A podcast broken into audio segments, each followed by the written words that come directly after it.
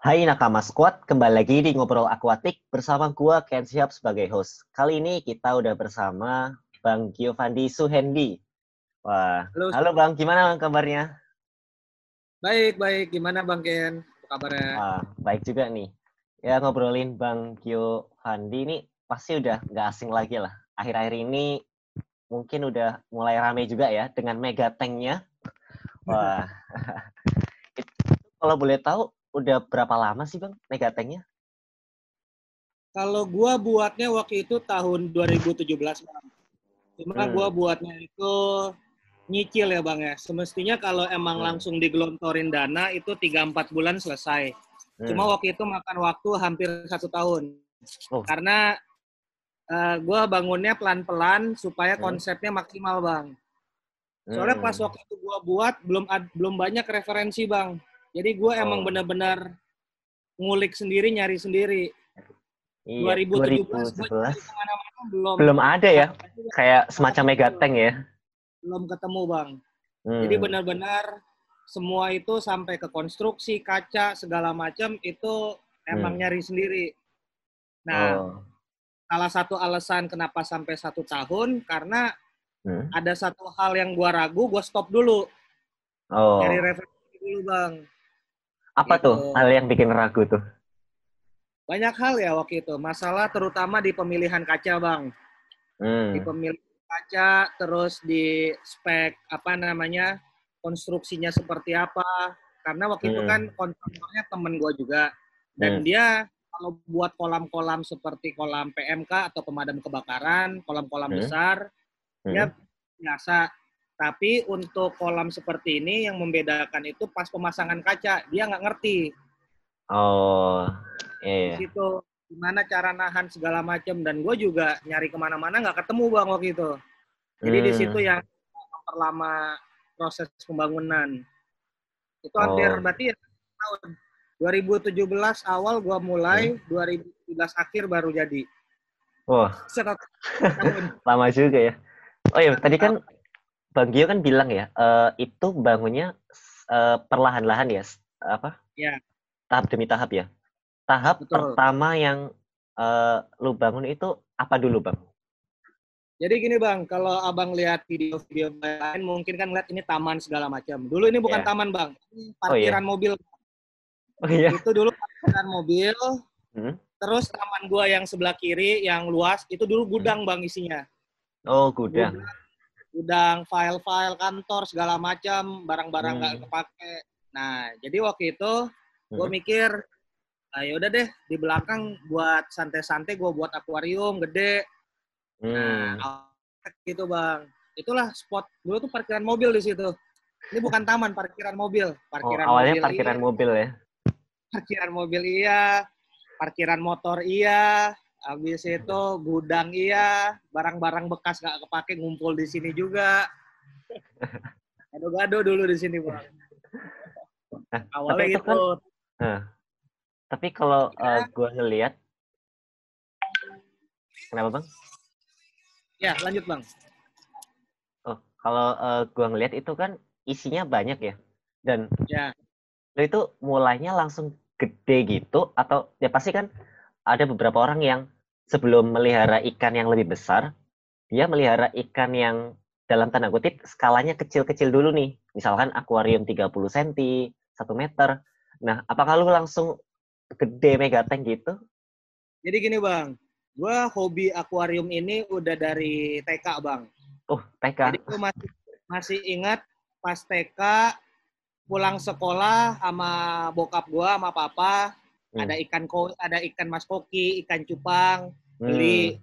Terus gue dulu punya akuarium yang apa namanya yang bulat itu bang, yang kayak pot itu bang. Apa, oh iya. Yeah. Akuarium ikan mas yang bulat tau kan? Iya yeah, tahu tahu, yang bulat. Bulat itu, nah gue beli di situ nggak ngerti apa-apa, nama juga anak kecil kan. Iya. Yeah. Jadi seminggu sekali beli karena ikan seminggu sekali mati bang. itu aja.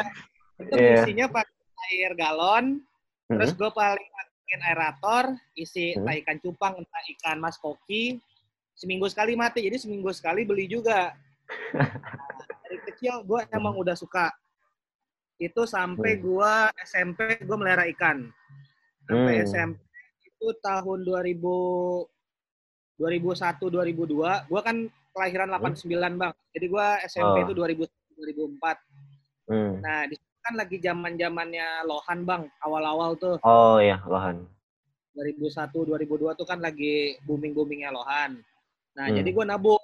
Gua nabung, Hmm. beli ikannya, akuariumnya orang tua gua yang beliin.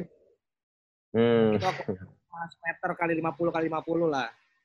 Nah, singkat Oh. cerita, sampai SMA udah nggak melihara ikan lagi, Hmm. kuliah nggak melihara ikan, pas udah Hmm. kerja, ini awal mulanya gara-gara anak gua bang.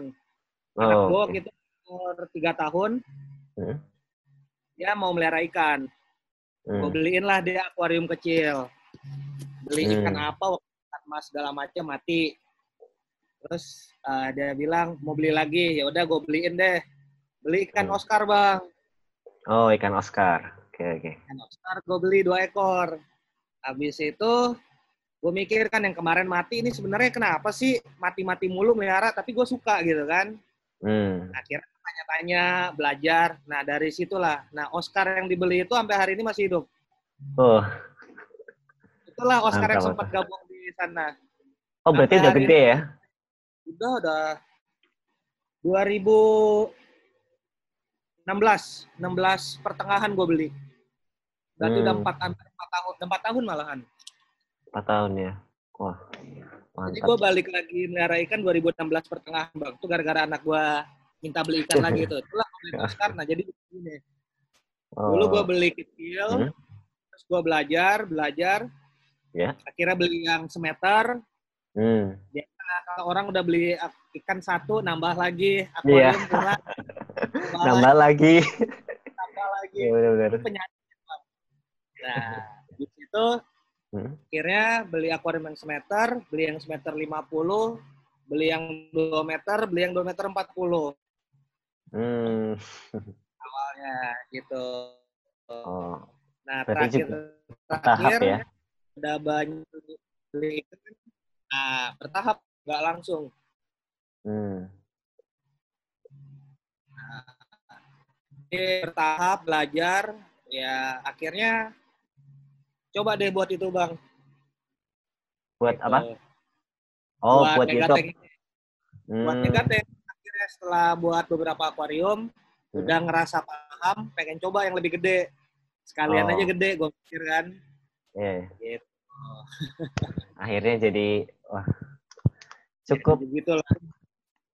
terkenal juga ya di kalangan ya, soalnya eh, beberapa waktu yang lalu juga sempat ada yang eh, ngajak apa ya ngajak ngobrol juga. Ayo bang eh, bahas apa Megatank bareng bang Giovanni. Soalnya kalau dari YouTube lu juga kan eh, bisa dibilang kalau gua ngelihat ya dari beberapa apa beberapa videonya videonya itu selain lu membahas ikannya kayak waktu itu membahas ikan apa ya? Gue lihat tiger fish terus peacock bass dan lain sebagainya ada satu hal yang lu concern yaitu soal filtrasi nah menurut lu seberapa penting sih filtrasi itu karena nggak banyak yang ngerti loh kalau filtrasi itu ya udah ala kadarnya aja gitu Eh, kalau menurut gua bang ya, eh, filtrasi itu kan paling penting bang. Soalnya coba deh, abang ini, kita melihara ikan apa sih bang selain ngasih makan bang? Hmm, Nggak ada kan? iya nggak ada Nggak ada kan? Kasarnya secara Iya. nggak langsung kecuali ikan-ikan tertentu ya yang perlu treatment khusus seperti arwana, super red gitu di tanning Iya. atau gimana kan nggak ada. Jadi emang filtrasi ini paling penting kalau menurut gua soalnya sekian tahun dari gua kecil sampai gua punya anak, gua gagal melihara ikan gara-gara gua nggak ngerti filtrasi, Bang. Hmm. Dan gua berhasil melihara ikan Oscar gua setelah gua belajar filtrasi. Oh, filtrasi Oh. itu begitu loh. Al- Alat-alatnya ini loh. Saking gilanya tuh filtrasi gue beli bang. Semua dari kanister, dari ehem, Hmm. flu, uh, fluval. Semua jenis filtrasi gue cobain bang. Yang ada standar akuarium ya. Hmm. Gue beli emang gue pengen tahu mana yang paling bagus. Soalnya setiap kali gue lihat, gue hmm. tanya orang, hmm. Oh ini paling bagus, gue beli. Ini paling bagus, gue beli. Gue cobain semua. Coba-coba ya. Karena, coba, karena gue penasaran. Penasarannya gini, bang.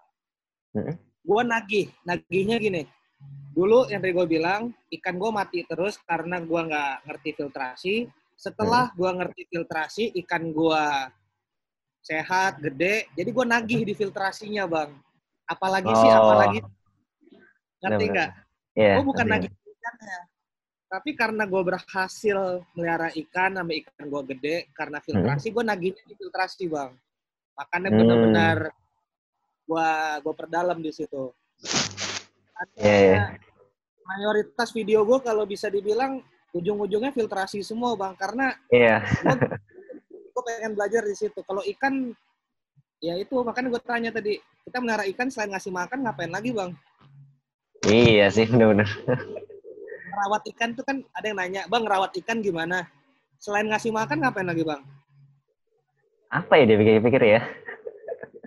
Gak ada lagi. Nah paling kan paling berhubungannya ganti filter, hmm.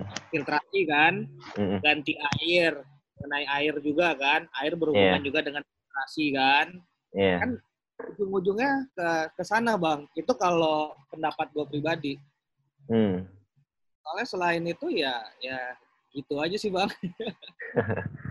itu kayak Tapi, itu tadi gue bilang gara-gara sekian hmm? belas tahun gue melihara ikan mati terus, hmm? gue nggak ngerti filtrasi.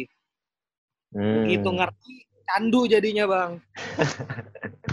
Semua gue otak atik, gue pengen tahu gitu saking candunya terus pengen bikin bikin terus akhirnya kalau nggak salah lu pengen apa bilang juga pengen bikin megatank yang 2 sampai tiga kali lipat ya dari sekarang ya itu ada lagi rencana.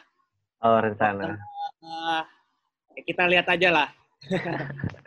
Tapi ada kayak rencana khusus nggak? Kayak diisi ikan khusus apa gitu? Jadi ini kan waktu itu proyek perdana gue ya dalam arti kata hmm. sebenarnya ini banyak kekurangan. Dalam arti kata, tahun 2017 itu karena gue nggak bisa dapet referensi apa-apa, mm-hmm. itu gue paket yang tengah bang, paket yang tengah. Jadi mm. kalau gue dulu tahu tukang kacanya yang profesional seperti apa, segala macam seperti apa, mungkin ini langsung panjang bang. Dulu oh. gue pakai yang tengah karena main aman. Main aman. Terlalu iya. banyak faktor yang gua nggak tahu. Resiko ya? Resikonya gua nggak tahu, hitung-hitungannya nggak tahu. Jadi waktu itu main aman, paket yang tengah deh. Nah, hmm. padahal kalau dengan yang gua tahu sekarang, hmm. itu bisa pakai kaca tuh sampai 6 meter, Bang. Oh, 6 meter ya? Sampai 6 meter. Nah, kalau Tapi mau di atas ketebalannya berapa, Bang? Kalau kayak gitu, 6 meter gitu. Kalau 6 meter itu tergantung ketinggian air, Bang. Oh iya, benar-benar. Kalau misalnya ketinggiannya cuma 1 meter, Bang, atau hmm. 1,3, itu hmm. laminate temper 19 plus 19 bisa. Hmm. Tapi di hmm. atas itu mungkin udah tiga ya, tidak tiga, tiga kaca, tiga kaca ya, 19. Nah, kalau hmm. sampai 2 meter gitu. Nah dulu hal-hal kayak gini gue nggak tahu bang, nyari referensinya nggak dapet. Sulit ya? Sulit bang waktu itu. Belum belum banyak yang buat. Kalaupun ada di kontak pun mungkin nggak nggak dijawab ya atau yeah. mereka nggak nggak nge-publish. Hmm. Jadi waktu itu banyak pertanyaan daripada jawaban bang. Jadi mainnya main aman aja deh. Gitu dulu. Hmm. Emang kalau sekarang referensinya dari mana aja bang? Kalau sekarang kan mungkin banyak kawan-kawan juga dengan gua sebelum gua nge-YouTube sebenarnya gini Bang, gua kan uh, sedikit banyak aktif di Facebook ya, walaupun hmm. nggak hmm. tahu gimana. Jadi banyak gua kenal kawan-kawan yang di dunia ikan. Hmm. Jadi dengan itu referensi gua tambah misalnya, "Bro, gua mau nyari ini siapa gua kontak, dia kenal." Kan hal-hal kayak gitu Bang dari teman ke teman yeah. jadinya. Nah, hmm dapatlah gue referensi-referensi yang emang jago-jago buat kolam besar. Nah, dari hal-hal itu, oh gitu ya bisa ya.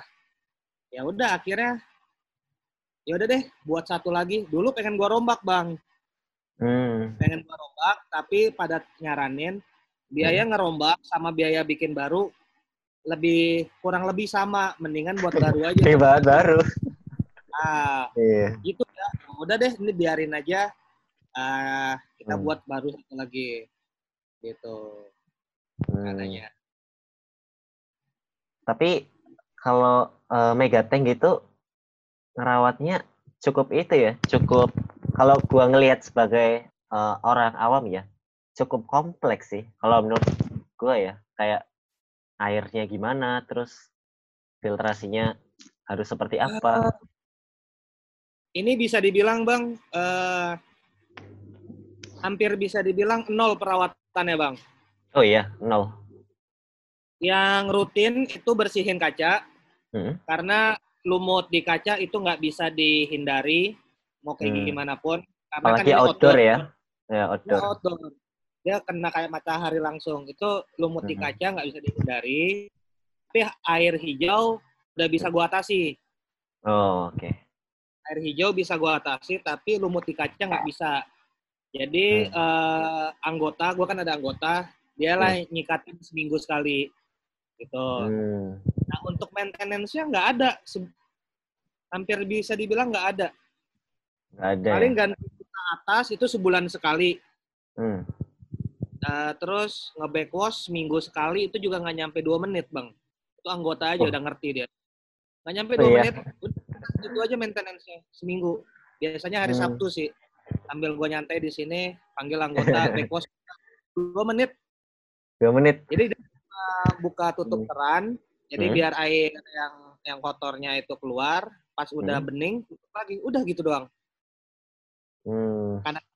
Nggak nyampe dua, dua menit paling lama. Simple ya sebenarnya ya. Simpel. Nah itulah makanya gue sampai ber sampai setahun ngebuatnya ngedesainnya segala macam ya itu pelan pelan pelan pelan tanya tanya gitu ya Hmm. seperti itu kalau sekarang mungkin kawan-kawan karena udah banyak yang buat ya bang ya mungkin banyak referensi bang Iya, benar-benar. ada banyak referensi dari pemain-pemain yang lain. Kalau kolam sekian aku eh, sekian pakai kaca berapa udah gampang nyarinya. Hmm. yang konstruksinya seperti apa udah udah banyak lah filtrasinya seperti apa. Mungkin udah banyak sekarang.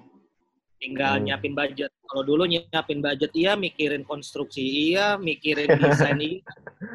Hampir semua ya. semuanya bang. Makanya pelan pelan waktu itu buatnya. Tapi waktu itu pusing banget gak mikirin waktu awal-awal dulu?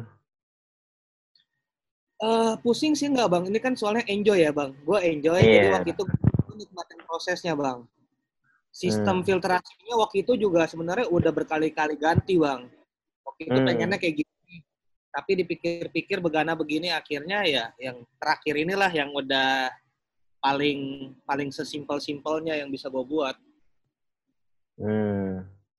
Karena ya itu referensi susah dapat dulu bang. Dan gue juga waktu itu ilmu terbatas ya. Jadi gue banyak belajar juga di pas pembuatan ini banyak belajarnya. Nah pas mau buat gue banyak buat ini bang apa sih dummy ya. Gue ada akuarium kecil Hmm. itu gue otak atik. Jadi gue buat skala kecilnya untuk ngereplika skala besar bang. Oh, untuk testingnya gitu ya? betul. Jadi Hmm. Ya kan kalau gua udah jadi udah dicor kan nggak mungkin dibongkar jadi gua Iya. buat akuarium kecil dulu Hmm. gua buat skala kecilnya nah, Hmm. gua pakai pemipaan begana begini begana begini jadi gua ngelihat alurnya bang oh, Oh, cocok benar-benar Oh. benar. tanam situ gitu dulu pakai main-main pipas ya kan kalau akuarium kecil gua pak- beli akuarium semeter aja bang akuarium semeter emang sengaja sama tukangnya bolongin sini bolongin situ pakai ini pakai itu. Itu bang dulu. Untuk gua Hmm. ngelihat Hmm. sistemnya gimana sih? Oke begini. Nah ya udah tinggal dibuat skala besarnya bang. Gitu. Hmm. Penuh perhitungan juga ya.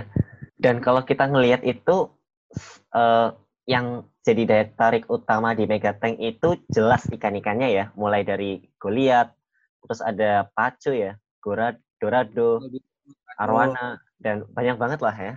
Tapi dari semua itu yang Bang Gio favorit itu yang mana? Yang paling favorit? Kalau paling favorit, kalau gue pribadi pas ngasih makan gue lihat sih. Gua lihat Soalnya ya. sensasinya beda. Hmm. Uh, paling paling gue tunggu dia nyamber makanan tuh gue lihat. Hmm. Nah, tapi kalau dari segi ikan predator yang paling gua favorit seluruhnya ikan pari. Pari ya. Kenapa Ikan tuh? pari. Eh karena dulu itu sebagai tantangan buat gua, Bang. Hmm. Orang pada bilang ikan pari susah dipelihara, gampang mati. Jadi waktu itu itu sebagai tantangan. Gue mikir kalau gue bisa gedein pari dan buat dia beranak, berarti gue bisa melihara ikan apa aja. Waktu itu pemikiran gue gitu bang, karena dia yang paling sensitif. Iya benar. Jadi itu tantangan. Nah karena tantangan itu, gue banyak eh, ngegali ilmu tentang ikan pari dari A sampai Z. Makanya benar-benar bisa dibilang cukup ngerti lah gue mengenai pari. Nah, Hmm. itu tantang karena gue ngerasa ketantang, jadi Iya. gue gali ilmu tentang pari. Mau dari semua semuanya lah. Nah, Hmm. karena gue ngerasa ini ikan pari bisa hidup, gue bisa melihara ikan apa aja ya. Ujung-ujungnya triknya untuk bisa memelihara pari sampai hidup sampai beranak apa? Ya filtrasi bang. Iya sih, Ujung- filtrasi. Jangan filtrasi ya. Ke situ. Ujung-ujungnya ke situ. Tapi make pasir itu bukan karena pari atau emang estetika aja? Nah, dulu itu pasir ketebalan sekitar 35-40 cm loh, Bang. Itu dalam lagi ke bawah sebenarnya, Bang. Dalam banget ya. 3 40 cm. 35 lah, Bang. 35 35 ya. cm. Nah, jadi waktu itu gua eh 35 cm ke bawah itu dasar nggak kelihatan, Bang. Dasar Hmm. eh, ikan dasar nggak kelihatan. Jadi pas Hmm. kita mendekat baru kelihatan kan. Oh iya. Nah, waktu itu gue mikir eh, kesannya kayaknya kurang kurang greget ya gue mikir Hmm. gitu kan Hmm. jadi akhirnya gue putusin gue pakai pasir deh dihitung-hitung itu satu kol diesel eh dua kol diesel itu Uh. pasirnya Banyak kol juga. diesel ya. dua kol diesel gue pakai pasir sungai bang Hmm, itu pasir di Riau ada namanya sungai Kampar jadi Hmm. di sungai Kampar itu ada ikan parinya juga Hmm. nah kenapa gue pakai pasir sungai Kampar Hmm. Karena ikan pari itu bawahnya itu kan sensitif bang. Jadi kalau Oh. pakai pasir yang tajam-tajam nggak bisa kayak apa namanya yang putih apa namanya bang pasir apa yang putih Silika, bang? bukan. Silika, silika nggak bisa bang. Oh. Nah jadi gue cari itu waktu itu yang emang dia agak bulat-bulat nggak tajam-tajam. Hmm. Nah terus gue tahu di kampar kan ada pari. Coba lihat pasirnya gimana. Gue ambil sampel. Oh iya, ini bisa nih. Ya udah, tinggal bayar orang ngegeruk, masukin kondisor, bayar, kirim. Nah, bongkar di belakang, masukinnya manual bang, pakai ember waktu itu. Dua kondisor. Berapa lama tuh pakai ember? Dari pagi sampai sore itu bang, rame-rame gitu. Masukin pasir. Masukin pasir. Nah, akhirnya gue buat ketinggian. Gue buat ketinggiannya 35. Hmm. Soalnya waktu itu kan ada salah satu alasan. Jadi gini bang, sedikit ya bang ya. Oke. Itu gue belajar ini dari pemain air laut bang. Oh, air laut.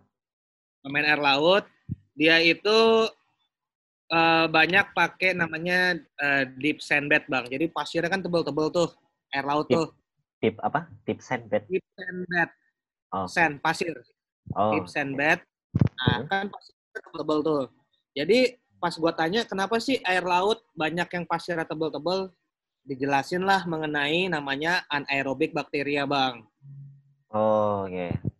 Nah, soalnya kan kalau pemain laut, Hmm. sebenarnya kalau filtrasi itu acuan pemain laut sama koi sih bang, itu nggak ada nggak ada nggak ada lawan sebenarnya. Kita pemain Oke. air tawar ini jujur, menurut gua perlu banyak main sama air laut sama koi bang. Hmm. Nah, jadi waktu itu gue dijelasin lah tete bengek segala macam. Habis itu gue research sendiri, gue coba-coba ngerti, ya udah gue pakein di situ. Makanya gue buat sampai 35 cm. Jadi Hmm. selain gua dapat filtrasinya itu, gua dapat juga apa namanya ketebalan pasirnya. Jadi dari jauh kelihatan pasir kan lebih estetikanya lebih dapat bang. Iya, dapat banget. Gitu, dapat banget. Tapi Oke, itu- ini mumpung ketemu orangnya nih, eh gue mau konfirmasi kalau misalkan ada beberapa orang juga yang bilang kalau ini terutama untuk skala kecil ya. Misalkan kalau kita pelihara ikan di akuarium ukuran satu meteran atau mungkin ya 40 atau satu meter, dua meter segitu, apakah harus pakai under gravel kalau ada pasirnya gitu? Kalau kalau gue pribadi nih bang, kalau kita kont- konteksnya ngomong ikan predator ya bang ya. Ya. Kalau di luar ikan predator, ikan hias lain gue jujur kurang paham. Hmm. Tapi pada prinsipnya sih kurang lebih sama. Jadi gini, kalau pakai pasir, eh under gravel itu menurut gue kurang maksimal ya bang untuk ikan predator ya bang ya. Yang notabene-nya makannya banyak, beraknya banyak, segala macam. Tapi Hmm. kalau di under gravel dipakein untuk ikan-ikan kecil, entah gupi, moli atau sejenis-sejenis itu bang, itu Hmm. masih bisa bang. Tapi Oh, kalau udah oke. namanya predator, udah kelasnya Lohan atau Oscar minimal, Hmm. dipakai sih boleh aja. Tapi kalau tanya gue, gue nggak rekomendasi. Intinya Hmm. seperti itu. Nah, dan apa kalau misalnya itu kalian bisa pakai kanister, tapi kan kanister cukup mahal ya. Iya. Kanister rata-rata cukup mahal. Paling tinggal pompanya aja diatur eh, ketinggiannya. Jadi biasanya kalau pasir itu minimal 20 cm bang di atas pasir. Hmm. Misalnya 20 pasir nih, pompanya Hmm. di 20 cm di atas pasir itu udah paling minimal. Hmm, 20 cm Nah, ya. tapi nanti eh, pasir itu tetap akan ada sedikit banyak kesedot sih. Misalnya ikannya lagi gerasak gerusuk, Gerak-gerak ya gitu ya. Hmm. resikonya di situ. Hmm. Dan kalau pasir harus mau ribet bang. Kalau emang masih baru ya, Iya. harus rajin-rajin ngevakum bang. Hmm. Kalau nggak kotoran yang menumpuk itu, itulah yang ngebuat penyakit itu di situ. Penyakit ya. ganggu kualitas air dan segala macam. Nah, Hmm. kalau predator, kalau nanya gua, gua saranin tetap polosan atau enggak pakai keramik. Kalau Hmm. nggak tetap mau pakai pasir ya harus mau sibuk nyedo ngevakum Hmm. pasir itu minimal seminggu sekali. Itu aja sih sebenarnya. Dan kalau kalau aku Hah? satu meter sebenarnya terbatas ya ikan predator yang bisa di sana menurut gua ya. hmm, paling ya sejenis siklit ya bang ya yang paling Siklit, ya. 30 35 ya enggak iya ya, benar-benar. Kalau udah melihara peacock bass kalau udah gede kan kasihan juga dia bang peacock Iya. bass kan 50 kasihan Sempit ya. kan nggak bisa satu paling siklit bang siklit atau lohan kan gitu Hmm. atau RBP lah kalau emang mau mau seru-seruan RBP kan kalau nggak salah 25 ya mentoknya bang ya sekitar segitu ya Iya mungkin sekitar segitu. Nah, 20 30 paling nah, pas, RBP. paling RBP. Kalau udah kelas oh. Peacock Bass, Arwana untuk jangka panjang eh, agak berat ya, kasihan sempit. Hmm. Nah, atau mungkin kalau akuarium semeter apalagi siklit itu oh paling cana-cana ya. Cana gue kurang paham sih, tapi kan katanya ada yang Iya ada Bisa beberapa cuma yang iya ada beberapa yang Ini- kecil ya paling itu Cana. bang. itu ya. Hmm. Kalau akuarium ya itu kalau pakai pasir, kalau mau ribet silahkan. Kalau enggak ya resiko tanggung masing-masing gitu aja sih. gitu. Hmm. Kalau Nah, abang melihara apa aja bang? Wah kalau saya sih eh apa ya lebih apa ya skalanya satu meteran lah satu meter dua meteran ya kayak di belakang saya ini ada kayak art service terus ada hujeta ada gengiskan tapi sebenarnya ada kolam juga jadi kalau mungkin ada beberapa pindah eh, gede tinggal pindah kolam nah kalau ngomongin ikan ikan ya eh, khususnya ikan predator waktu itu eh, Bang Gio juga sempat nyinggung namanya yang apa? Yang namanya biolot. Nah, biolot itu apa sih, Bang? Jadi gini, Bang. Setiap ikan itu kan eh, besar per- eh, besarnya beda ya. Hmm. Besarnya beda. Dalam arti kata maksimum size-nya beda. Berapa banyak yang dia bisa makan berbeda, ya kan? Hmm. Contoh kayak arwana, mungkin kalau kita kasih makan udang, satu dua udang kenyang. Tapi Hmm. kalau kita ngomong ikan lele, bang, mungkin lima ekor udang baru kenyang. Itu kan Iya. contoh ya. Contoh. Terus kemudian seberapa aktif dia? Ada ikan yang baru aktif pas mau kasih makan. Yang pengalaman pribadi gua seperti kayak ikan palmas, bang. Dia Hmm. biasanya nyantai, pas makan baru nyamperin. Oke, iya ya. Ada yang berenang terus, Kayak patroli. Dorado ya. Yes. Hmm. Nah, ada yang makan banyak, beraknya banyak, Hmm. ya kan? Beraknya Iya, iya. gede-gede. Nah, Jadi itu itu mempengaruhi biolot. Jadi berapa jumlah kotoran yang mereka Mhm. produksi, Bang. Jadi Hmm. setiap ikan beda. Contoh kayak kalau kita bandingin mungkin yang umum ya, Bang ya. Iya. Mungkin Oscar sama sama Piranha mungkin kali ya Bang ya, sama RBP lah. Oscar 20 cm sama Piranha 20 cm. Piranha makannya kecil-kecil kan Bang ya. Iya. Nah, Cicil. Oscar bisa congok dia apa rakus dia. Makan Iya. terus ya. Nah, itu biolotnya juga berbeda Bang. Oh, Karena nanti- gitu ya. Setelah berapa yang dia bisa makan, Mhm. otomatis kan makin banyak makin banyak juga kotoran kan yang keluar ya Bang ya. Iya, iya, benar-benar. Oscar, kalau Piranha, RBP kan biasanya dia diam, santai, nggak terlalu banyak ini kan. Kalau Oscar kan Iya. mondar mandir, mandir. Nah, itu kan mempengaruhi dia juga. Mempengaruhi pas dia Hmm. bergerak, metabolisme segala macam, itu kan mengu- mengu- mengu- mengeluarkan kotoran juga, Bang. Metabolisme dia itu Hmm, dalam air. Benar-benar. Nah, jadi banyak faktor di biolot itu. Jadi makanya gue bilang setiap ikan itu punya biolot yang berbeda. Hmm. Bisa disamain. Gitu. Kalau di Megatanknya Bang Gio, eh, ikan yang paling banyak ngeluarin biolot itu ikan apa? Kalau sekarang Arapaima. Karena dia Arapaima paling besar dan paling banyak makan. Kedua ikan pari udah pasti. Hmm. Oh, ikan pari ya? Pari makannya banyak, Bang. Dia Hmm. pari makannya banyak. Kalau Hmm. pari yang sehat, Abang kasih makan, dia kenyang nih. Hmm. 3-4 jam kemudian Abang kasih lagi, dimakan lagi sama dia. Sampai perutnya itu ngebuncit, Bang. Kayak Oh, punuk iya, otak. iya. Ah, iya, Kalau. Abang lihat kan, ikan pari, dia kan perutnya di belakang tuh. Ah, Kalau baru kan kayak gini. Kalau kekenyangan bisa begini, Bang, dia. Bisa agak itu ya, ya, kayak ada punuknya gitu ya. punuk. Itu berarti udah kenyang banget dia. Hmm. Apa yang dia makan, Mm-mm. khususnya tuh pendek, Bang. Makan sebentar, banyak yang dimakan, banyak yang keluar juga tai. gitu. Beda sama kayak Goliat.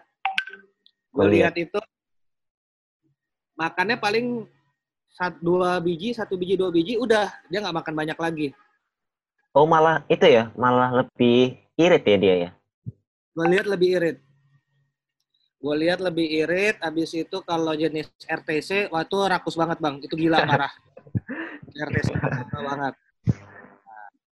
Kalau arwana, Arwana menurut gue masih standar sih bang. Standar ya. Hmm. Kalau itu eh, salah satu ikan favorit gua payara. Nah, itu gimana tuh biolotnya? Payara itu dia kan ikannya eh diem, ada makanan baru nyamperin. Dia nggak terlalu Hmm. banyak gerak. Dia nggak terlalu tinggi biolotnya. Nah, Oh. biolot ini kita nggak ada angka ya 1 sampai 10. Paling gue cuma bisa bilang rendah, menengah, tinggi. Hmm. Kalau Payara gue bisa bilang itu menengah. Soalnya dia nggak terlalu yang patroli, Bang. Kalau gue Iya. lihat sama Aduh patroli terus. Payara dia banyak santai. Iya. Karena Payara alamnya dia, Bang, eh Hmm. nyergap dia, Bang. Nyantai, ada makanan, baru, Baru kenceng dia. oh. Iya, benar-benar. Payara alamnya kayak gitu. Beda dengan Goliath sama Dorado, dia emang Dorado. nyari. Dia emang Hmm. nyari. Pengaruh di habitat juga ya. Nah, dia banyak nyantai, abis itu ya itu. Kalau payara nggak terlalu besar. Bisa dibilang kecil lah. Kecil ya. Pengalaman gua dari yang observasi punya gua ya. Hmm.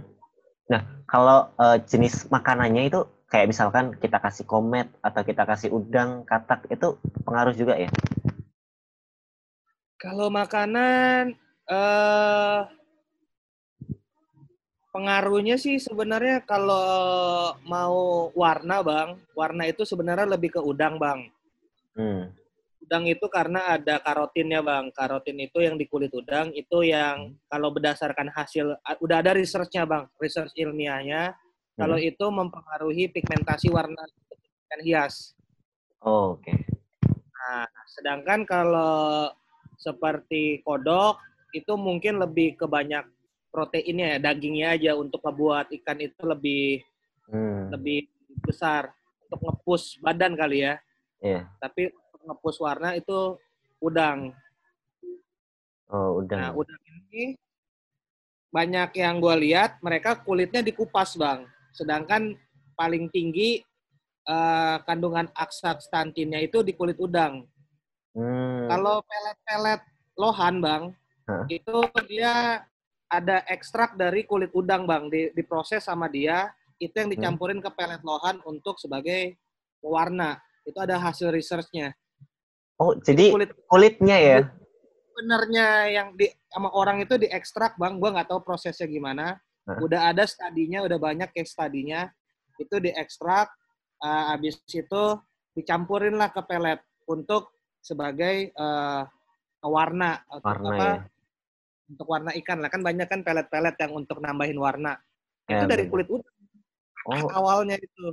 oh berarti justru dari kulit udangnya sendiri ya yang Yes. lebih Nah, permasalahan yang ada ikan kita yang kulit udang ini kenapa dibuang? Karena dia kera- keras bang. iya benar Dan keras. prioritas ikan itu dilepehin. Gue Hmm. sering dulu pernah coba pakai udang pasar sama kulit kulitnya gue kasih. Hmm. Ikan gue itu dagingnya aja diambil kulitnya dilepehin, ujung-ujungnya jadi ngotorin akuarium. Oh iya benar. Makanya kenapa abis itu gue cari kan alternatifnya apa? Gue dapet lah namanya udang rebon bang atau udang rawa ya. Kalau di Jakarta Oh. gue nggak tahu namanya apa. Udang Hmm. rawa yang ditang- ditangkepin nama nelayan. Hmm. Nah itu kan eh biasanya mereka kalau abang toko akuarium ada udang-udang kecil. Nah itulah yang gue maksud bang. Oh itu ya udang rebun ya. Nah, eh, ada kan yang udang yang transparan-transparan itu bang Ya, yang untuk makan. Iya. Yang kecil-kecil itu ya. Itu yang. Yes, betul. Nah, biasanya aman nelayan, nelayan itu ada yang jual pengen jual hidup karena harganya lebih mahal, ada yang nggak mau ribet, Bang. Langsung Hmm. dikumpulin, dibekuin sama dia. Oh. Nah, itulah yang dibeli yang udah dibekuin. Hmm. Nah, jadi kan pas gua kasih makan ikan gua udang itu, kepalanya, kulitnya Hmm. segala macam kan dimakan, nggak ada yang bersisa. Jadi dapat semuanya di situ, Bang. Oh, Oke. Antara udang beku atau udang hidup gitu pengaruh nggak sih? Maksudnya lebih apa gitu? Kalau pengaruh sih sebenarnya lebih ngaruhnya ke seru ngasih makannya bang ya. Kalau udang hidup kan nama juga pas ngasih makan hidup seru dia ngejarnya. Iya, kalau udang hidup sih mayoritas itu harganya bang mahal bang, mahal bener, Mahal ya? Jauh ya? jauh lebih mahal. Nah, makanya banyak juga petani yang mau jualnya udang hidup, udang-udang kecil yang hidup itu karena lebih lebih untungnya lebih gede. Hmm. Kalau yang beku sebenarnya sih kurang lebih lebih bagus beku kalau pendapat gue pribadi. Kenapa? Hmm. Kalau dia ada penyakit atau apa, kan kita masukin freezer bang. Hmm. Masukin freezer kan udah di bawah 0 derajat celcius ya bang ya biasanya bang ya. Iya. Nah, mendekati lah kan gitu. Itu banyak penyakit parasit itu pingsan atau mati bang. Jadi udah Hmm. Udah aman ya? dibilang 100% enggak, cuma paling enggak udah Meminimalisir ya? Nah, meminimalisir. Minimal itu bang. Kalau dibilang 100% nggak juga. Enggak ya. Oh. Juga paling nggak udah meminimalisir. Gitu. Kalau dari di Mega Tank itu biasanya dikasih makan apa, Bang? Paling sering ya? Oke, paling- kalau gua itu dua bang, lele, lele potong. Hmm. Tapi kalau sekarang lele potong, kalau dulu lele potongnya tuh sampai kepala kepalanya gua kasih. Kalau Hmm. sekarang gara-gara kejadian kemarin, gua nggak Hmm. kepalanya gua buang. Atau Hmm. entah buat makanan kucing lah jadinya. kan. Nah, terus, jadi gua lele kepalanya gua buang, Hmm. gua kasih makan pakai lele potong dulu. Hmm. Jadi biar ikan yang atas, ikan yang atas sama ikan menengah Hmm. makan dulu. Nah, baru gua kasih udang rebon untuk ikan dasar, Bang. Soalnya pakai Oh. udang rebon eh ya itu karena beberapa ekor ikan gua mulutnya kecil, Bang. Kalau lele potong nggak masuk Hmm. sama dia. Kan gua langsung Oh, lele iya. konsumsi. Kita potong tiga aja, Bang. Kepala sama tengah. Kan Hmm. gede-gede segitu. Iya, gede-gede. Ikannya juga gede-gede. Ya, cuma kan kayak ada beberapa ikan gua kayak Oxydora sniger sama beberapa lagi dia nggak bisa makan yang segede itu. Oh, nggak bisa ya? Meskipun ukurannya segede gitu? Mulutnya kecil, Bang. Mulutnya Hmm, kecil. Mulutnya ya. Beda dengan kayak RTC, RTC mulutnya besar. Dia mah selesai sama dia. Iya. Gitu. betul. Seperti Hmm. itu sih. Jadi kalau pola makan kayak gitu. Kalau sekarang udah dua hari sekali, Bang. Nggak tiap Dua hari hari. Dulu tiap, ya. dulu tiap hari gila. Cuma belajar lah, Bang. Kan kita sama-sama belajar, Bang. Iya. sama belajar. Jadi kasus kemarin akhirnya gue belajar. Ya baru tahu juga ada penyakit yang namanya obesitas. Itu Obesitas. nyerang ke liver, ke internal organ ikan. Hmm. Jadi fungsi internal organ yang nggak maksimal, ya, Hmm. ya seperti itulah. Baru Hmm. belajar sih kemarin. Learning by doing ya. Iya. Sebenarnya bang, Hmm. eh kalau dibilang ikannya hebat nggak ada yang mati, sebenarnya menurut gua nggak juga bang. Hmm. Kalau karena nggak akan belajar apa-apa bang, karena kita akan ngerasa udah udah terlalu terlalu ngerasa paling tahu jadinya bang, Oh, udah nyaman gitu bang. Tapi kalau Iya. misalnya mati, Hmm. kalau gua sih pribadi kalau ada yang mati, gua cari tahu bang, gua cari Hmm. tahu. Jadi gua eh, belajar ilmu baru gitu bang. Ikan gua tuh Hmm. udah banyak bener yang mati bang, Oh iya. makan banyak banyak bener. Jadi karena mati, gua cari tahu kenapa. Di situ gua belajar bang. Hmm. Benernya di situ aja. Jadi pas mati, gua tanya teman, ini kenapa? Ini gara-gara ini. Dapat kan kata kuncinya apa? Nah, terus udah gua research saja, cari di Google, cari di YouTube, cari di mana. Soalnya kan informasi sekarang semuanya udah bisa dapat dari Iya. mana aja, bang. Mau Hmm, dari mana betul. aja lu cari, dapat. Aksesnya bisa gampang ya. akses gampang. Nggak bisa Hmm. lu bilang, oh, gua yang paling tahu, ini enggak, nggak bisa. Lu mau cari ke mana aja dapat. Tinggal mau cari apa enggak, kan itu sekarang. Iya benar. Dan gua respectnya itu eh, dari kematian itu lu share dan apa kayak di apa ya dibedah gitu. Ini kira-kira karena apa, karena apa itu sih. Jadi yang lain kayak belajar juga jadinya. Soalnya eh ini kalau gua pribadi ya, Bang ya. Ini Hmm. pendapat gua pribadi. Eh, mungkin udah gua sampein juga di video gua. Kalau namanya istilah sudden death, gue sih nggak percaya, Bang. Pasti ada sebabnya.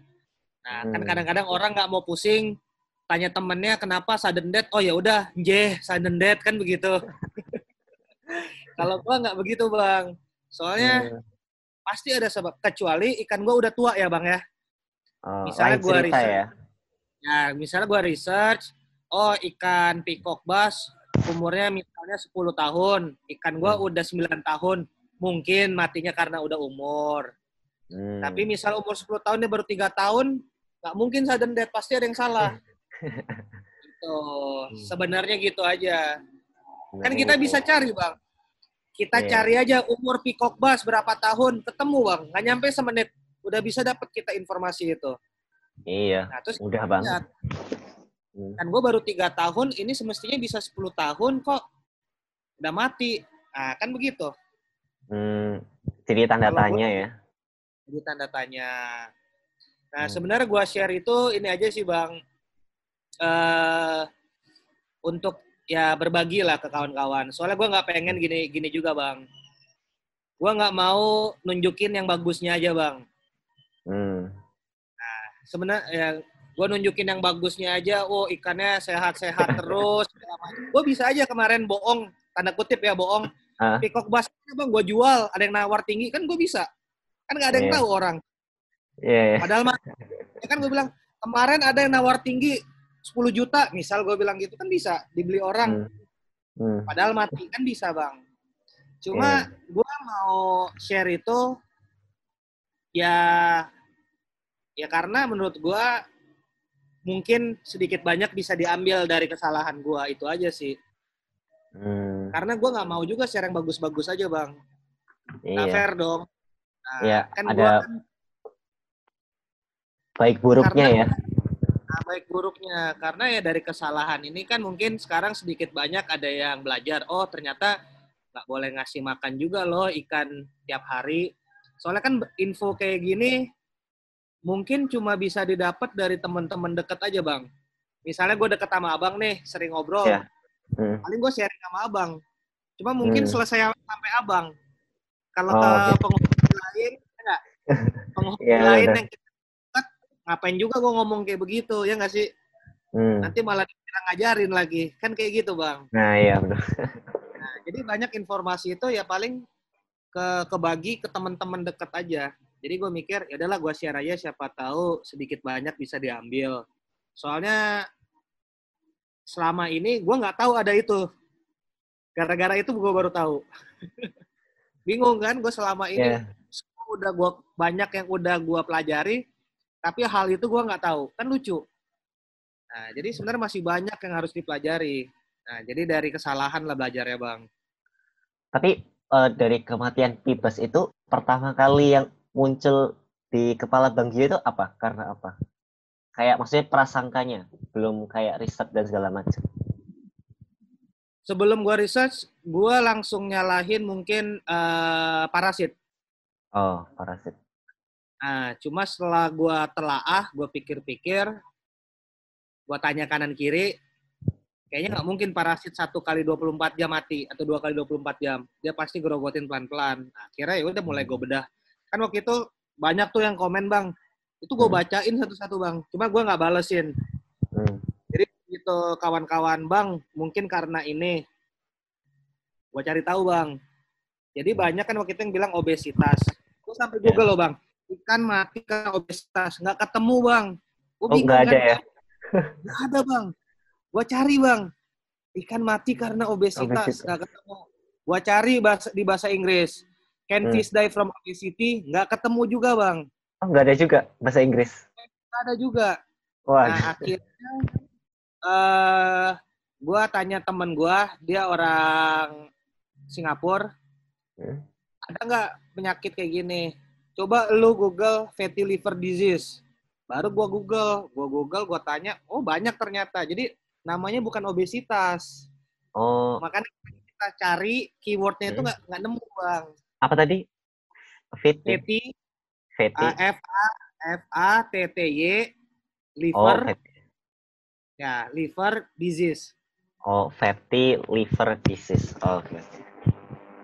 awalnya Hmm. nggak ketemu bang gue bingung ah berarti bukan obesitas nih gue tanya Hmm. temen gue dia bilang obesitas gue google agak ada ikan mati obesitas Ah, nggak mungkin nih obesitas gue mikir gitu bang ternyata nama Iya. penyakitnya lah tapi gini itu eh, kalau secara 100% nggak nggak bisa dibuktikan ya. Soalnya kan harus ada hasil lab segala macam. Iya. cuma dari semua kronologi yang gue pelajari mengerucutnya ke sana.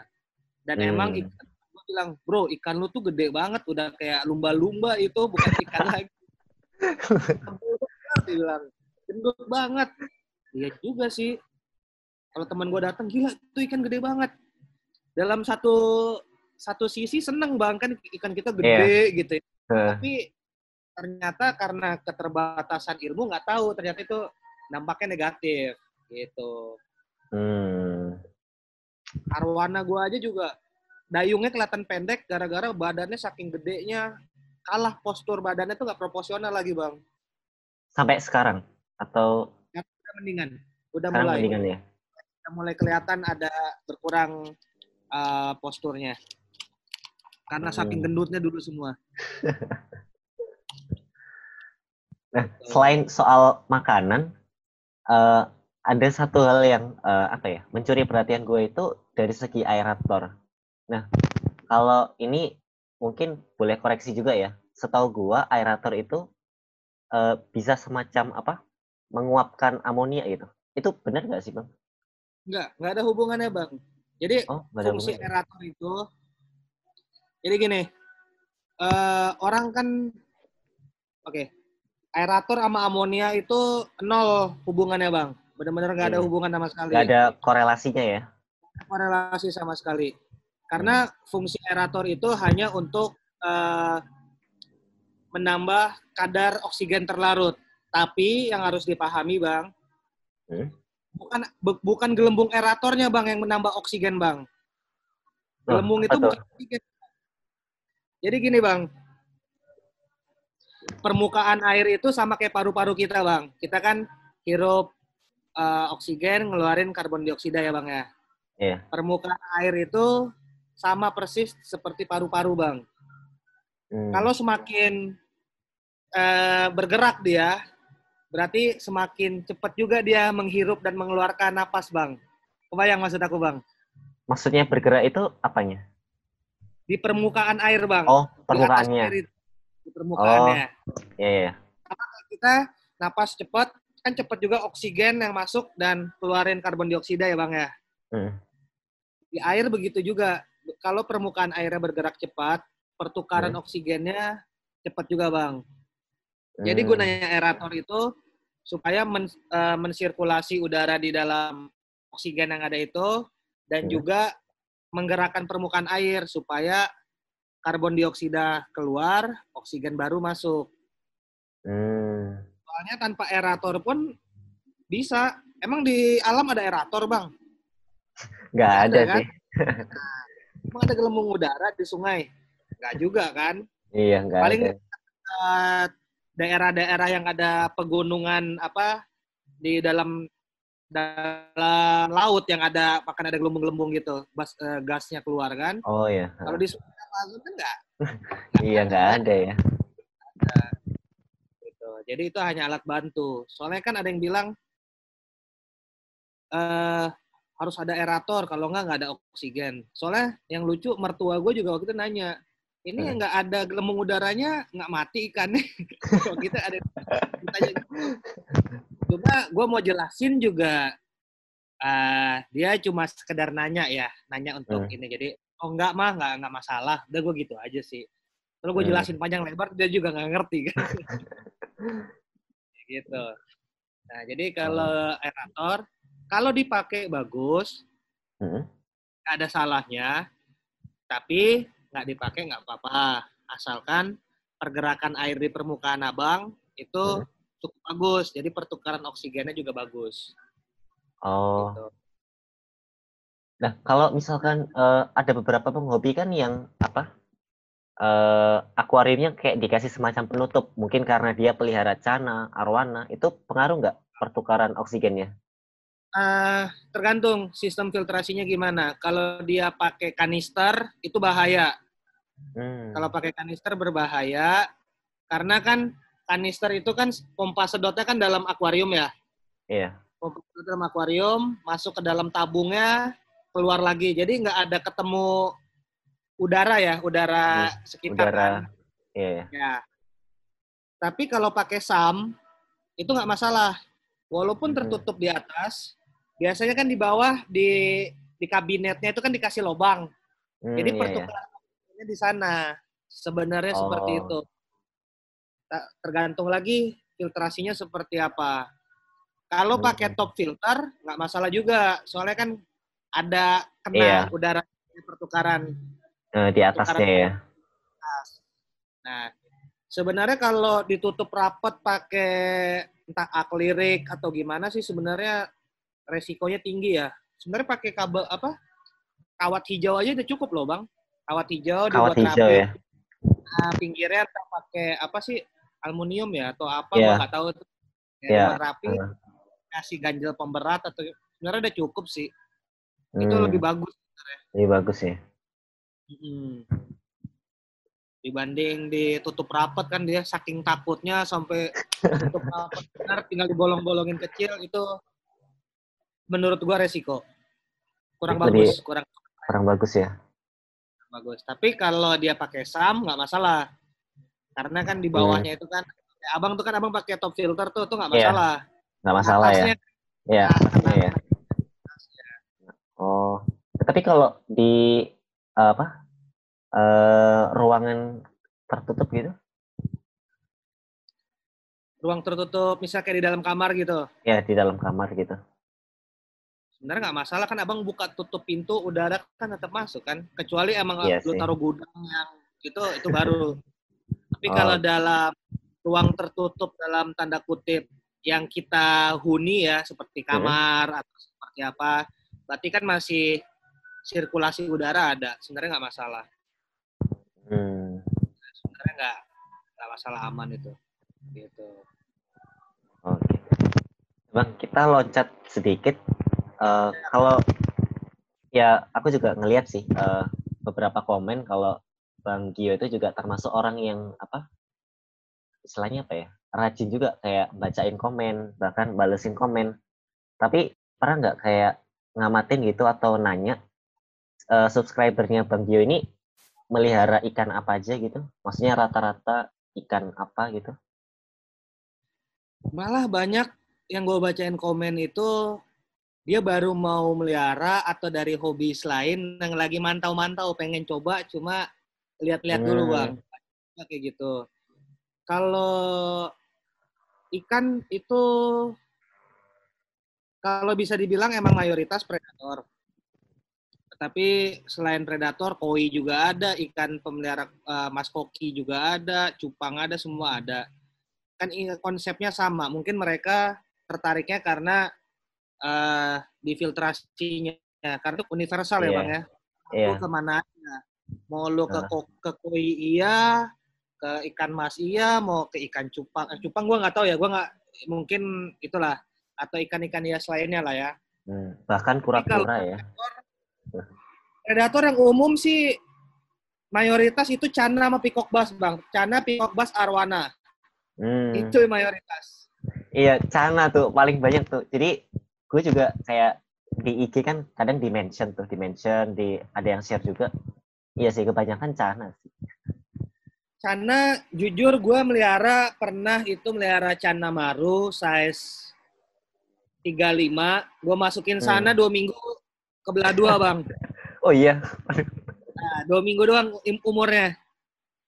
35-an. siapa tuh Ah. pelakunya tuh? Nggak tahu, banyak banyak banyak preman, terlalu banyak eh suspeknya terlalu banyak. Yang dicurigai terlalu banyak. Jadi singkat cerita, kalau cana-cana yang lain, Hmm. eh ini balik lagi ke selera ya bang. Kan banyak juga Iya. nanya bang, selera cana Hmm. apa ya? Gue udah kena di ini bang. Cana itu ikan gabus bang. Gue kenanya di situ sebenarnya pribadi. Gabus Hmm. itu kan identik ikan konsumsi bang. Oh, dari situ ya berarti ya. Kayak Iya, jadi mind- mindset gue itu kenanya di situ karena melihara ikan gabus. Sedangkan di sini kan ik- gabus konsumsi, Bang. Jadi gue kenanya di situ sebenarnya. Walaupun gabus yang biasa untuk konsumsi, cana apa gitu dibilang, gue lupa. Sedangkan Hmm. cana-cana lain kan emang cana hias ya, Bang ya. ya Cana hias. Hmm. Nah, itu aja sih gue kenanya. Gara-gara melihara ikan gabus, kayaknya kayak gimana gitu. Nggak tahu, itu gue kenanya Ya. di mindset itu, itu aja sebenarnya. Hmm. Ya tapi emang kayak balik banyak lagi dari selera ya. Balik ke selera. Waktu itu, Bang, coba pelihara baramudi. Pas gue Google baramudi kakak putih, nggak jadi, Bang. kakak putih itu biasa gue jadi jadi ikan goreng kan di restoran Iya. seafood. Jadi kenanya di situ, Bang. Hmm. Bang, pelihara mangrove jack. Kakak Hmm. merah. Iya, Iya. di situ. Jadi kalau udah identik konsumsi, gue jadi agak gimana gitu. Itu Hmm. aja sih sebenarnya kalau nggak melihara cana. Jadi kalau ngomongin eh, ikan-ikan yang di Megatank itu belinya emang langsung gede atau ada beberapa yang dirawat dari kecil terus baru dimasukin ke sana? Yang gue beli, beli udah langsung agak gede itu cuma cuma silver a- albino bang, Yang Itu langsung gua beli. gede. 45an senti. Sisa semua gue pelihara dari 10 atau 20 senti. Oh iya. Iya. lama juga ya? Tanpa sekali. Arapaima 25 senti, 30 senti gue beli. Hmm. Karena gue kan di Pekanbaru bang. Mm-mm.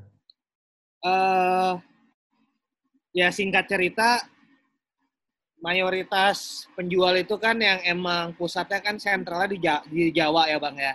Iya. Mereka kalau kirim-kirim ke ke Pekanbaru atau Sumat Pekanbaru terutama Hmm. itu kan cuma bisa lewat darat sama udara. Kalau udara biayanya luar biasa mahal bang. Hmm, iya sih, Untuk benar-benar. standar kargo aja itu satu ju- 900 sampai satu juta nggak ke mana. Oh. Kalau udah box besar udah satu setengah juta 1,8. Nah, kalau lewat darat itu kalau ikan besar resiko tinggi dan Hmm. paling cuma bisa satu ekor. Kalau ongkir dari Jakarta ke Pekanbaru udah kena sekitar 300 ribu bang. Masih oke Hmm. lah ya. Tapi kalau satu ekor 300 ribu dibanding gua beli yang kecil dapat 10 ekor 300 ribu kan kayaknya udahlah gua gedein aja dari kecil. Hmm, iya, iya. Karena ada kalau gua gitu. Nah, sedangkan kalau silver albino itu kan ikan pasaran ya bang ya. Lu mau nyasar apa aja, ya udahlah gue beli toko di sini aja buat nambah-nambah gitu. Itu karena buat nambahin aja. Hmm, dari kecil ya? Gue lihat itu gue beli dari 30 cm. Dorado ada yang 25, ada yang 30-an. Hmm. Nah, sekarang udah 60-70 semua. Ikan pacu, pacu albino 25 cm gue beli 3 ekor. 100 ribu waktu itu gue beli. 20, 30 ribu. 35 ribu kan gue tawar 100 ribu. Udah. Pacu albino 25 cm waktu itu. Tapi peliharanya santai kan? Atau emang, uh ini harus bakal gede lebih cepet, jadi di-push gimana gitu? Atau melihara Eh, santai aja? Sebenarnya kenapa gua hapus makan karena biar cepet gede bang. Hmm, Nah, jadi makannya gua kan ngasih makan kenceng iya. segala macam. Nah, cuma kalau ikan ya dibilang santai nggak juga. Cuma sekarang akhirnya gue santai. soalnya, soalnya temen gue Iya. bilang gini, sehatin gue gini.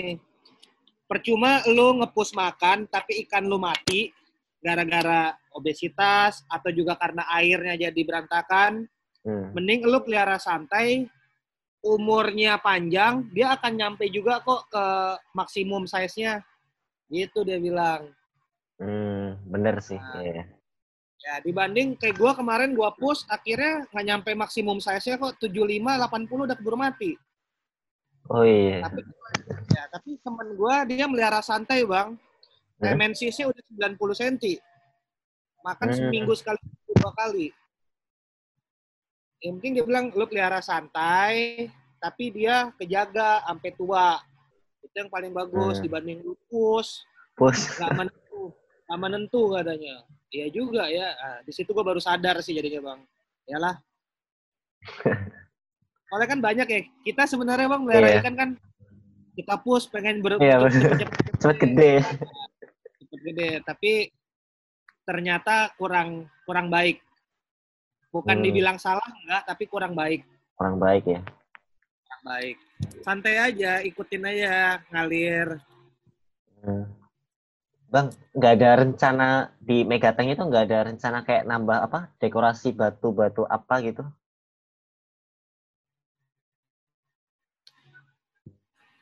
Dekorasi gue sih enggak ya. Gue eh, udah cukup puas dengan ini. Soalnya kan Hmm. gue lebih suka ngeliat ikan gue bebas leluasa.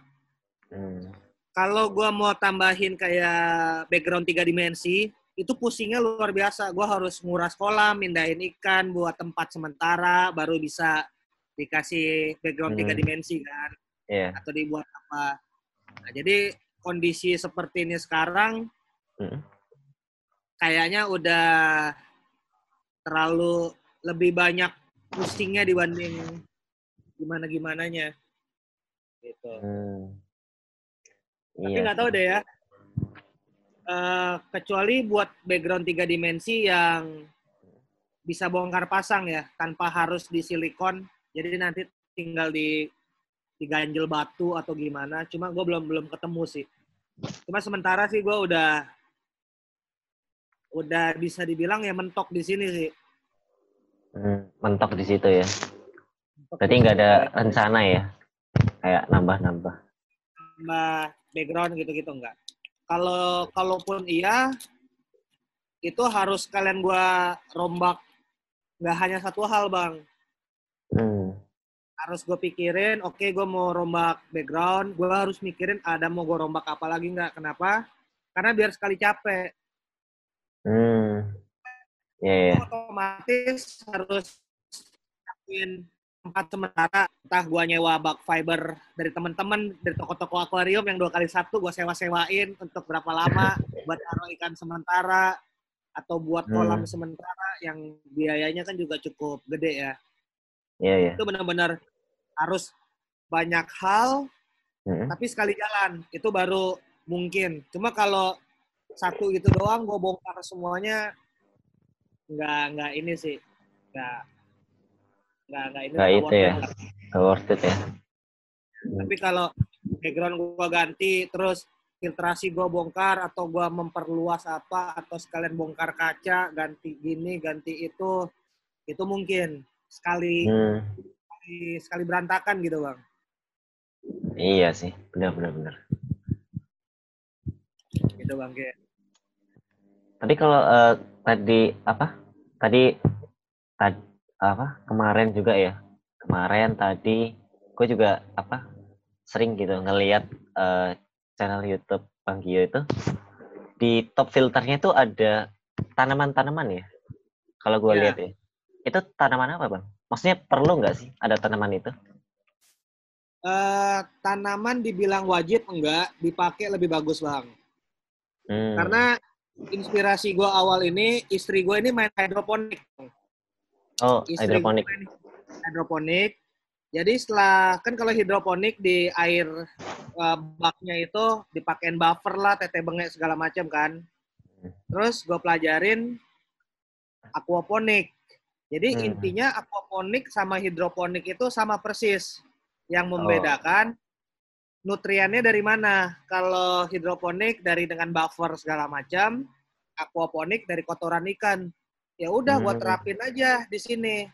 Jadi dulu istri nanam hidroponik nanam kangkung nanam pok, apa bokcoy segala macam. Gua nanam juga di atas kolam.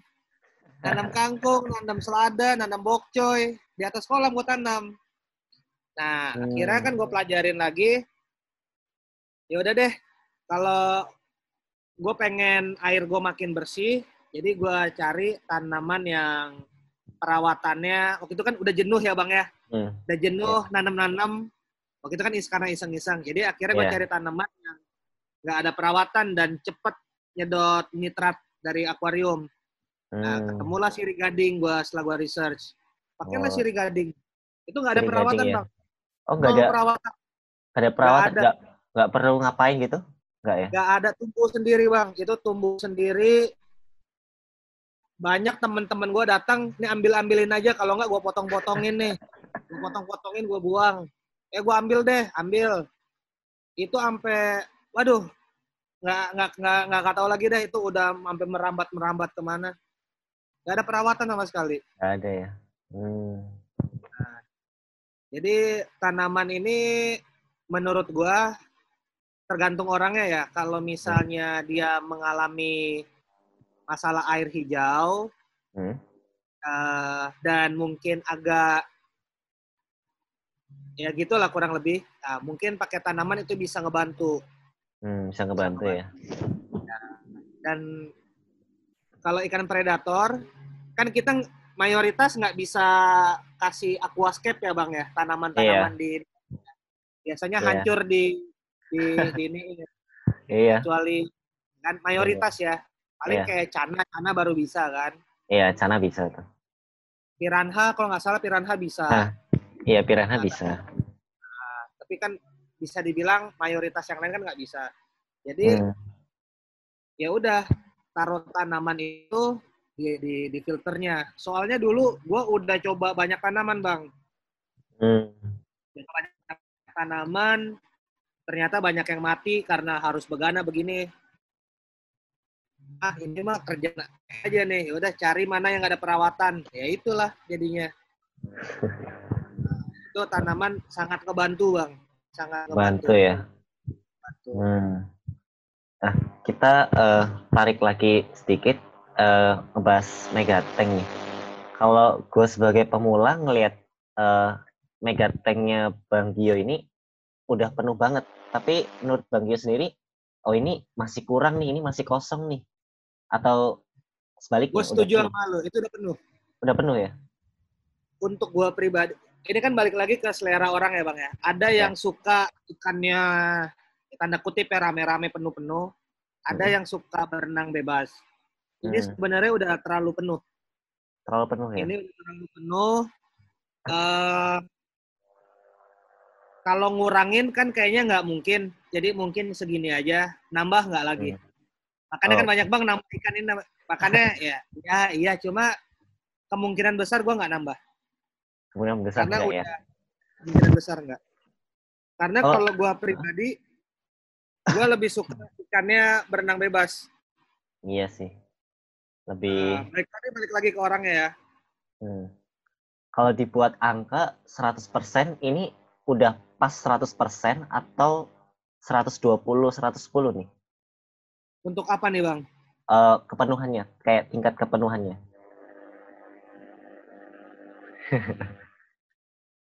untuk sekarang mungkin masih bisa dibilang 80% bang tapi Hmm. kalau kita dua tiga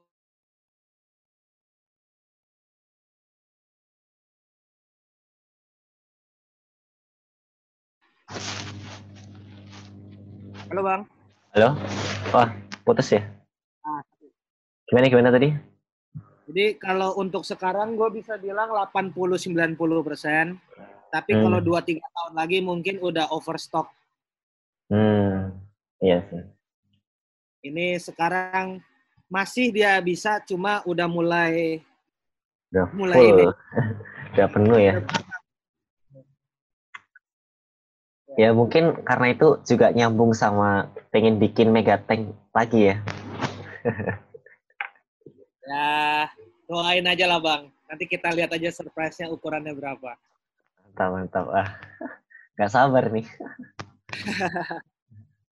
Soalnya kalau itu yang gue bilang tadi bang, sebenarnya karena banyak keterbatasan pengetahuan dan informasi waktu itu, Mm-mm. Gue cuma berani buat mentoknya segini bang. Hmm. Gue nggak berani buat lebih besar karena temen gue sebagai kontraktor juga nggak berani ngejamin bisa apa enggak.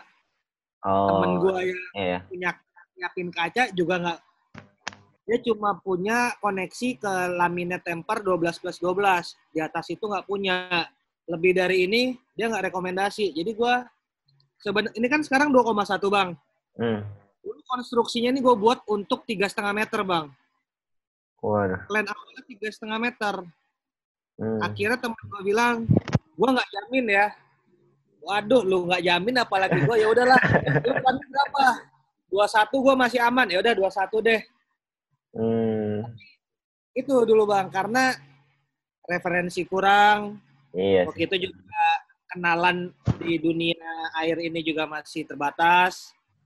Nah nyari referensi lain ini jadi mentok dengan apa yang lingkaran yang apa ruang apa teman-teman yang gua kenal aja mentoknya mentok di situ Hmm. jadi ada dari kemarin gue pengen rombak nih rombak lu biaya sekian lu buat baru beda tipis buat baru, buat baru satu lagi aja. Hitung-hitung, iya juga. Ya udah deh kita buat baru aja. Tinggal Iya. waktunya. Nah, ini tinggal tunggu tanggal mainnya ya. Ya, cuma kalau kondisi sekarang kan lagi nggak memungkinkan kan ya bang ya, covid Iya. macam. Nah, Hmm. banyak juga yang jadi tergantung-gantung. Hmm, bener sih. Kan salah satunya bang, gua publish Megateng, biarlah yang lain buat Megateng kan sedikit banyak gue bisa dapat inspirasi juga bang dari yang lain. Mereka buatnya gimana bang? Iya sih, bener bener. Dia buat nih, gue buat. Hmm. Orang mungkin pengen buat. Hmm. Akhirnya mereka buat dengan skala mereka ya. Hmm. Nanti kan cepat atau lama mungkin sebagian orang akan publish. Hmm. Gue lihat walaupun skalanya mungkin ya entah Hmm. di bawah gua, tapi kan ada dari beberapa sisi gue terinspirasi juga bang. Oh iya ya dibuat kayak gini bagus juga ya. Atau kayak Hmm. begini bagus juga ya. Gitu Iya bang. Inspirasi bisa datang dari mana aja ya. Nggak mesti harus lebih besar dari gua jadi inspirasi gua nggak. Mungkin dia skalanya mungkin ya skalanya lebih kecil, Hmm. tapi konsep dia lebih lebih lebih manis. Hmm, Nah, iya, bisa juga itu. tinggal kita imajinasi kita aja bang Hmm, iya Nggak sih. mesti. bukan berarti lebih besar lebih bagus nggak juga banyak yang gua Hmm. lihat yang skalanya lebih kecil daripada gua tapi jauh lebih bagus bang dalam segi Hmm. eh, estetika ya Estetika ya. Hmm. jadi mereka buat kayak gitu jadi kan inspirasi juga buat gua jadi saling saling Iya. bertukar inspirasi bang Bener. Kadang bahkan di Instagram aja, kadang kalau kita ngelihat di explore kan kadang ada gambar apa kolam atau akuarium yang entah mungkin dari akun-akun luar negeri gitu banyak juga sih bang. ya, yang sambil nyari-nyari inspirasi. inspirasi Mm-mm. yang gua sayangin sebenarnya satu bang dulu pas gua bangun ini Mm. Facebook gua dulu itu eh gua lupa passwordnya gua Waduh. belum main Instagram gua nggak main Facebook eh, nggak main YouTube jadi banyak dokumentasi itu nggak ada itu sayang bener ada di handphone gua yang lama cuma Hmm. singkat cerita gua cari banyak datanya udah nggak ada Hmm, maksudnya banyak data nggak ada itu gimana? Hilang. foto-foto video Oh. segala macam nah jadi pas Waduh. pertengahan jalan sampai akhir baru gue mulai Instagram iseng-iseng jadi Hmm. cuma beberapa aja dokumentasi yang kesimpan nggak banyak Hmm, yang disayangin sih itu aja sih gitu ya. Oke. gitu Bang Gio, kita eh, udah di akhir sesi nih. Nah, dari Bang Gio sendiri ada closing statement nggak? Mungkin buat para penghobi ikan hias, khususnya ikan predator mungkin? Silahkan Bang. kalau untuk ikan predator sih sebenarnya eh jangan maksain diri ya soalnya sorry nih bukan ngajarin gue gue banyak ngelihat kasus tanda kutip tempat cuma ada sebesar sekian tapi dipaksain untuk gaya-gayaan beli ikan yang potensinya bisa gede banget Hmm, itu nggak hanya membahayakan ikannya, tapi kan banyak kasus ikan predator dilepas di alam ya karena itu. Nah, itu ya benar-benar. Karena tanda kutip gaya-gayaan. Gue punya Hmm. ikan ini loh, tapi begitu Iya. gede bingung mau dijual nggak nggak laku, mau dimatiin kasihan, lepas aja. Gue cuma ya kalau pesan dari gua, ini bukan menggurui ya, tapi dalam arti Hmm. kata ya ya sesuai kemampuan aja. Kalau emang punya akuarium segede itu ya sebatasnya aja. Sanggupnya seberapa ya segitu. Nah, Hmm. soalnya banyak orang beli ikan dulu baru buat akuarium. Itu salah.